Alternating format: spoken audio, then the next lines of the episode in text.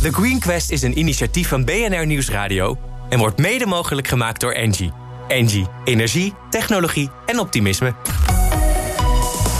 BNR Nieuwsradio. The Green Quest. Harm Edens. Hoe maken we samen een toekomstbestendige wereld? En welke innovaties in het bedrijfsleven dragen daar echt aan bij? Die zoeken we elke week in de meest zinvolle zoektocht van Nederland, de Green Quest.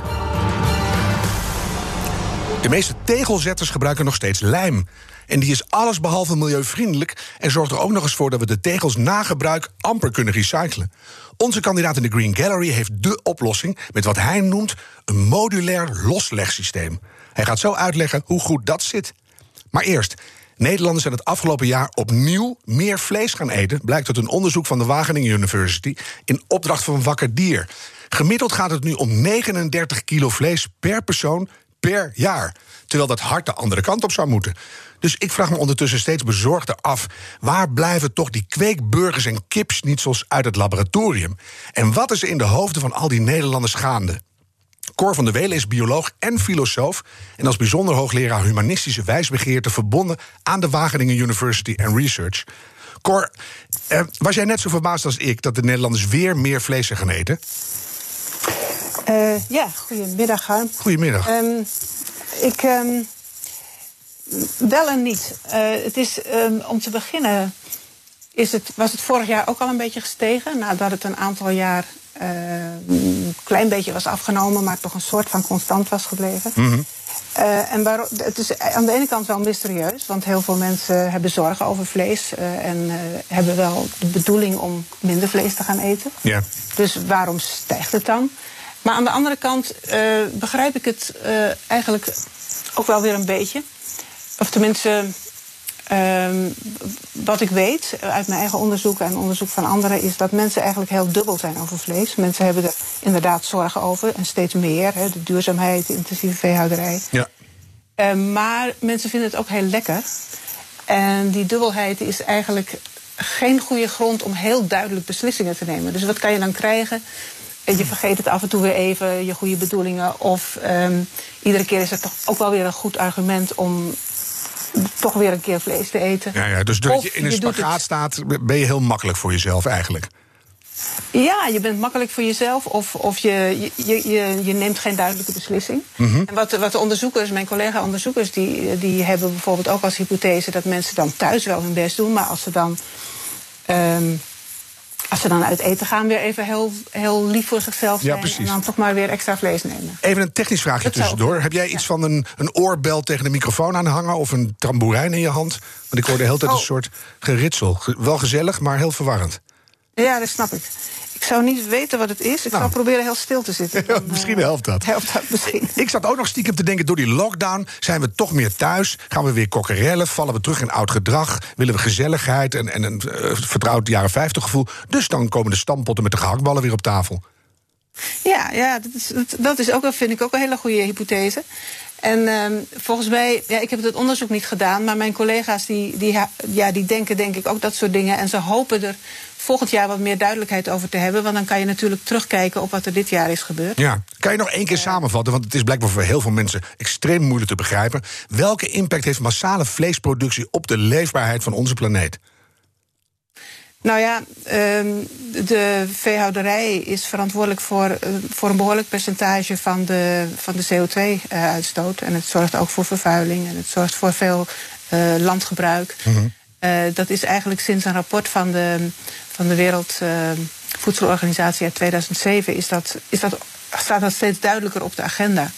En sinds die tijd is ook echt wel duidelijk dat eh, ja, de veehouderij echt een belangrijke bron is van, van vervuiling en klimaatverandering. En dat we dus eh, daar echt iets aan moeten doen. Ja. En dat heeft zich natuurlijk gevoegd bij al, een, bij al eerdere bezwaren tegen in ieder geval de intensieve veehouderij. Dat het voor dierenwelzijn heel, helemaal niet goed is. dus die twee factoren eh, leiden er een beetje toe dat er steeds meer vleesvervangers in de schappen van de supermarkten kwam.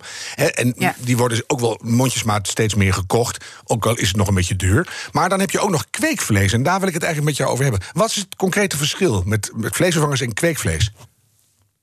Eh, de meeste vleesvervangers worden van plantaardig materiaal gemaakt. Mhm. Uh, en kweekvlees wordt gemaakt van dierlijke cellen. Dus dat is gewoon het grote verschil. Ja, dus het wordt in een, in een laboratorium opgekweekt. Uh, als jij er naar kijkt, hè, dat wordt al jaren de belofte voor de toekomst genoemd. Uh, wordt het nu eindelijk eens een, een serieuze ontwikkeling of blijft dat voor eeuwig een belofte? Nou ja, het wordt wel een steeds serieuzere uh, ontwikkeling. En ik denk wel dat het op een, op een keer er ook echt wel komt. Want mm-hmm. waarom? Er zijn best wel veel uitdagingen om het. Maar daar hebben we het misschien straks nog wel even over wat die uitdagingen zijn. Nou, noem ze vooral. En in het, ja.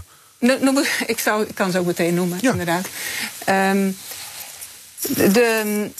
Um, je moet om te beginnen de cellen waarmee je werkt, want je werkt vanuit cellen. Mm -hmm. uh, er zijn bepaalde soorten stamcellen, dat kunnen heel verschillende cellen zijn. Daar hoeven we niet diep op in te gaan. Maar die cellen moeten wel zich delen en die moeten zich vermenigvuldigen en die moeten uh, zich specialiseren tot cellen die, waar je vlees, normaal vlees van hebt. Hè. De spiercellen zijn dat. Ja, vet of spier, of spier ja. ja. Vet moet daar ook bij, ja. -hmm. om die cellen goed te begrijpen, dat was, een, dat was een uitdaging. Dan moet je het vervolgens gaan opschalen. Ja.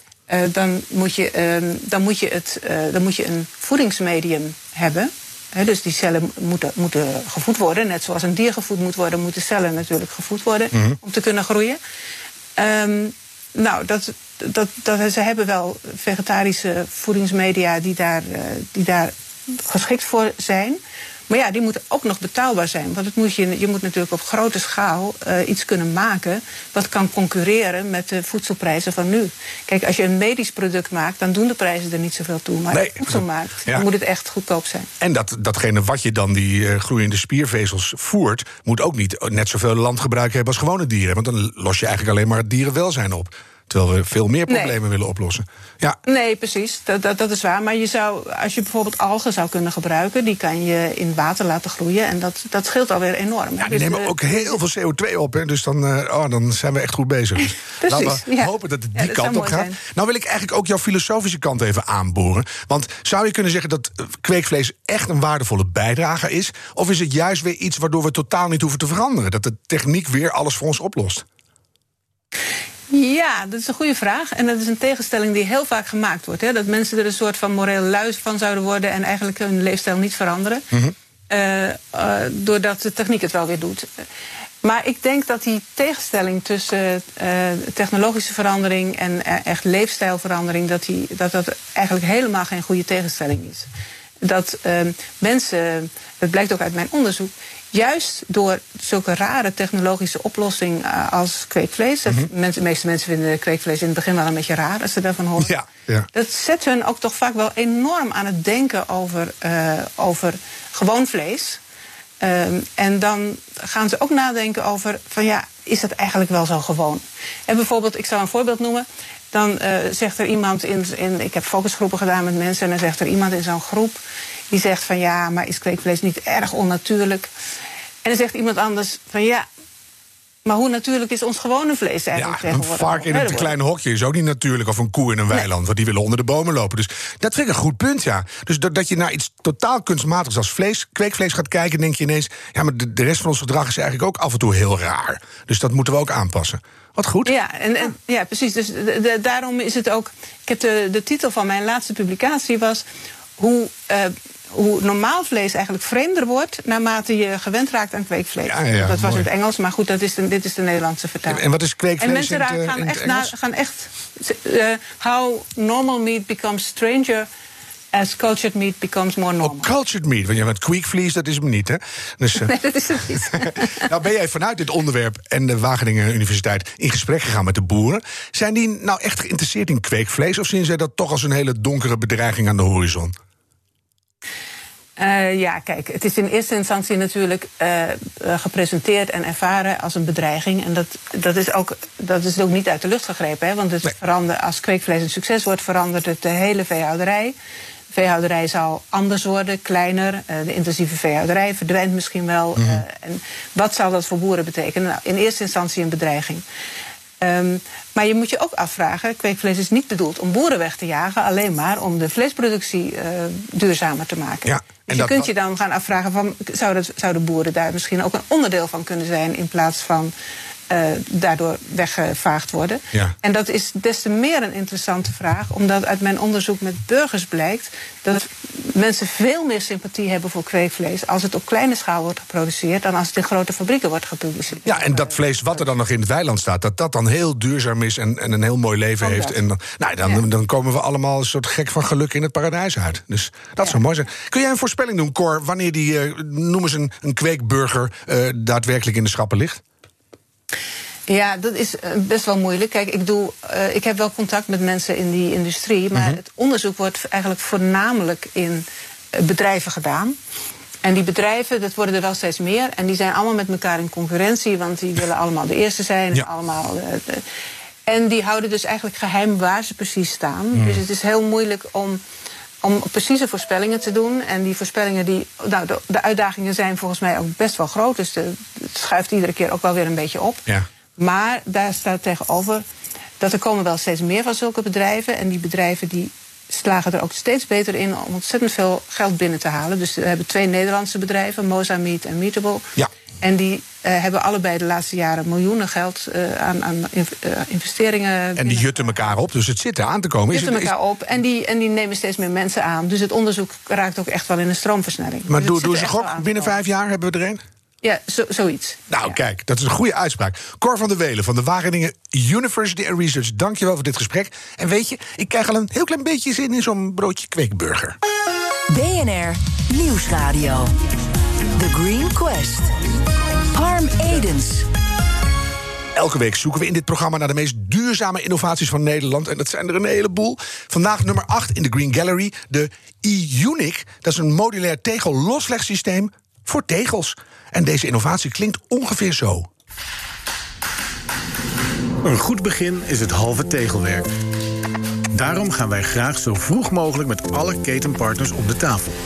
Tegels, overal zijn tegels. Ga naar de wc en je ziet tegeltjes met regels. Tegels voor je tuintje of tegels voor de straten. Dat in alle stijlen, soorten en maten. maten. Ja, André Ruske is van het bedrijf TGLS. Wat een goede naam is dat. En die, die hebben dit systeem ontwikkeld. Ondertussen luistert als het goed is Wisse Hummel ook mee. Hij is een van eh, de kritische juryleden en hij werkt zelf bij Engie. Ehm, André, zou je aan ons en aan de luisteraars willen vertellen... wat in de kern jouw innovatie precies behelst? Uiteraard. Eh, binnen TGS zijn wij, eh, zijn wij ongelooflijk gek op regelen en betegelen. En hebben wij de afgelopen jaren al heel veel vloeren op traditionele wijze mogen verlijmen. Omdat wij denken dat vloeren ook op duurzamere manieren te installeren zijn dan enkel met, eh, met lijm. Hebben wij vanuit eh, een aantal uitgangspunten duurzaamheid, recyclebaarheid en modulariteit een loslegsysteem ontwikkeld die het mogelijk maakt om tegelvloeren snel en volledig lijmloos te installeren, of zoals wij het zeggen, klikken. Ja, Hierdoor worden tegels herbruikbaar voor, eh, voor een tweede of misschien wel derde leven. Of je kunt ze in sommige gevallen ook teruggeven als grondstof aan het productieproces. Ja, Hoe mooi is dat? Daar moeten we naartoe, hè? modulair ontwerpen. Het is wel een soort. Ik, ik ga zo naar wissen, maar ik, de- hoe ben je op het idee gekomen? Want als er nou iets vast zit met lijm, dan zijn het tegels. Wie heeft dat bedacht? Nou, eh, de, de, de, geestelijk vader van dit, eh, van dit product is, eh, is, een, is een vriend van mij. Die, heeft dit, eh, die, die liep al langere tijd met dit eh, idee rond. En uiteindelijk hebben we de hand ineen geslagen met, met mijn structuur en zijn idee. En het, het complementair zijn. Ik vind het En- echt anders denken. Dat je denkt, hé, hey, die tegels Ja. kunnen we los, mensen. Ja, ja, ja, anders denken is anders doen bij ons. Ja. En, en dat, eh, eh, dat vinden wij ook belangrijk. Vandaar ook dat we het gedaan hebben. Wisse, jouw eerste reactie? Ja, hele goedemiddag. Inderdaad ook eh, wel mooi treffend wat je net zegt. Heel verrassend. Hè? Want dit is absoluut niet voor de hand liggend... om Nee. op deze manier eh, eh, zo een weg in te vinden. Ja. En, eh, maar wel heel, heel mooi en heel waardevol dat je op deze manier... ik zou bijna zeggen levenslang je eigen tegels mee kunt nemen. En ook nog weer kunt verwijderen. Dus eh, zeker een hele mooie stap voorwaarts. Ja, dat vind ik ook wel weer een schrikbeeld hoor. Want voor je het weet zit je met van de jaren 70 tegels in je nieuwe villa. Dus ik ben meer voor recycling. Dan eh, geef je ze weer door aan je kleinkinderen. Maar goed, ga door. Nou ja, ja nou, dat zit, daar zit ook wel iets in. Hè, in de zin van, eh, ehm, je zegt, hè, wat neem ik daarvan mee? Maar overal zie je tegels, werd zo net zo heel mooi gezegd. En dat vroeg ik mij ook af. Van, het ligt er misschien ook wel aan eh, of je in het hele speelveld aanbiedt... of dat je daar een specifieker eh, gebied in hebt. En dan denk ik, kan ik het in mijn badkamer eh, toepassen? Of is het dan helemaal... Hoe zit je dan met hygiëne, waterdichtheid?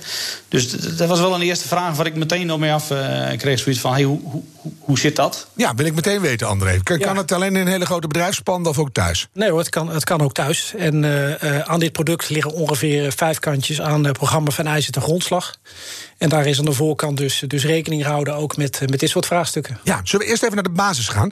dat oude wetse tegelen, ik zei in mijn intro al met vieze lijm. Nou, dat zou ik jou niet zo snel horen zeggen, want dat heb je zelf ook jaren gedaan.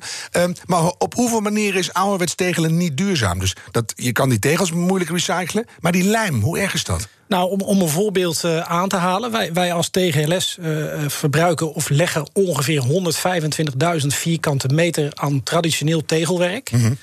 Als je dan weet dat we ongeveer 4 kilo per vierkante meter aan lijm gebruiken dan, dan zitten wij op een gebruik van circa 500.000 kilo lijm.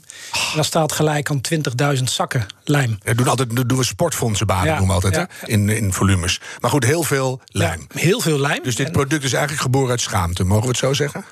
Nou, nee. Ik denk, ik denk dat er ook manieren zijn om, om nog iets efficiënter te werken. En uh, uh, kijk bijvoorbeeld alleen naar de retailsorganisaties. Je kunt daar onderscheid maken tussen, tussen supermarkten mm -hmm. en, uh, en kledingwinkels. Ja. Uh, in de supermarkt kan een pot pindakaas van, uh, van de derde stelling naar beneden vallen. Dat vergt toch uh, iets anders van een vloer dan bijvoorbeeld een kledingwinkel, waar, waar hooguit misschien een onderbroek of een overhemd op kan vallen. Die naar beneden dwarrelt, ja. Maar als je dan ja. weet dat we hem traditioneel op dezelfde dikke manier verlijmen, dan, dan zou je kunnen afvragen: joh, kunnen we daar nou niet efficiënter een vloer installeren? En dat, dat, ik denk dat dat gelukt is met, met Unique. Want je hebt hem bij je, de, ja, de, tussenlaag. Misschien, het is wel radio, maar kan je het even beeldend beschrijven? Ik zie een soort, uh, ik, laat mij beginnen en dan ga jij het invullen. Een soort uh, zwart uh, kratjesachtige structuur. Die, ja, het is eigenlijk met niks te vergelijken. Een soort hele grote opgepompte transistor lijkt het wel. Zwarte vlakken verbonden door riggeltjes. En dat zit tussen de tegel en de vloer. Dat zit tussen de tegel en de vloer. En we zijn tijdens het ontwerp vanuit gegaan dat we met zo min mo mogelijk materiaal de maximale belasting willen bereiken. Dus mm -hmm. we zijn ook uitgegaan van de hoogste industriële eisen. Want ja, uh, afschalen kan altijd, maar, maar opschalen niet. Dus we hebben ook echt bewust gekozen om, uh, om gelijk hoog in te steken. En uh, op dit moment wijst de praktijk uit wat wij in de theorie verwachten. Hij doet het, ook in, Hij doet het. de wat zwaardere belasting. En je kan sneller leggen, heb ik begrepen. Ja, je, kan, je, je, kunt heel snel leggen. Je, je klikt ze erin, klaar. Je klikt ze erin. En afhankelijk van waar je de vloer uh, wilt leggen, uh, komt er nog iets tussen of niet. Wisse, ik denk dat jij iets wil weten, want jij zit bij Engie, dus voor jullie een interessant product. Uh, wat je nou precies bespaart aan alles en zo. Nou ja, ik denk dat dat een terechte vraag is. Hè. Als je kijkt naar de enorme hoeveelheden, dus op uh, 500.000, uh, ja. dat gaat nogal ergens over. Nou. Uh, welk deel daarvan kun je vervangen en over wat voor nou ja, uitstoot of besparing van grondstoffen hebben we het dan concreet mm -hmm. over? Ja, ik denk, ik denk meerdere. Als je alleen kijkt naar, naar een stukje grondstof. En ik heb hem hier in, in een aantal uitzendingen ook al een paar keer voorbij horen komen. We hebben dan schaarste als het gaat om, om grondstoffen. Wat, wat is er nou mooier als, als je de tegel naar een her, kunt hergebruiken en kunt teruggeven aan het productieproces? En de tussenvloer?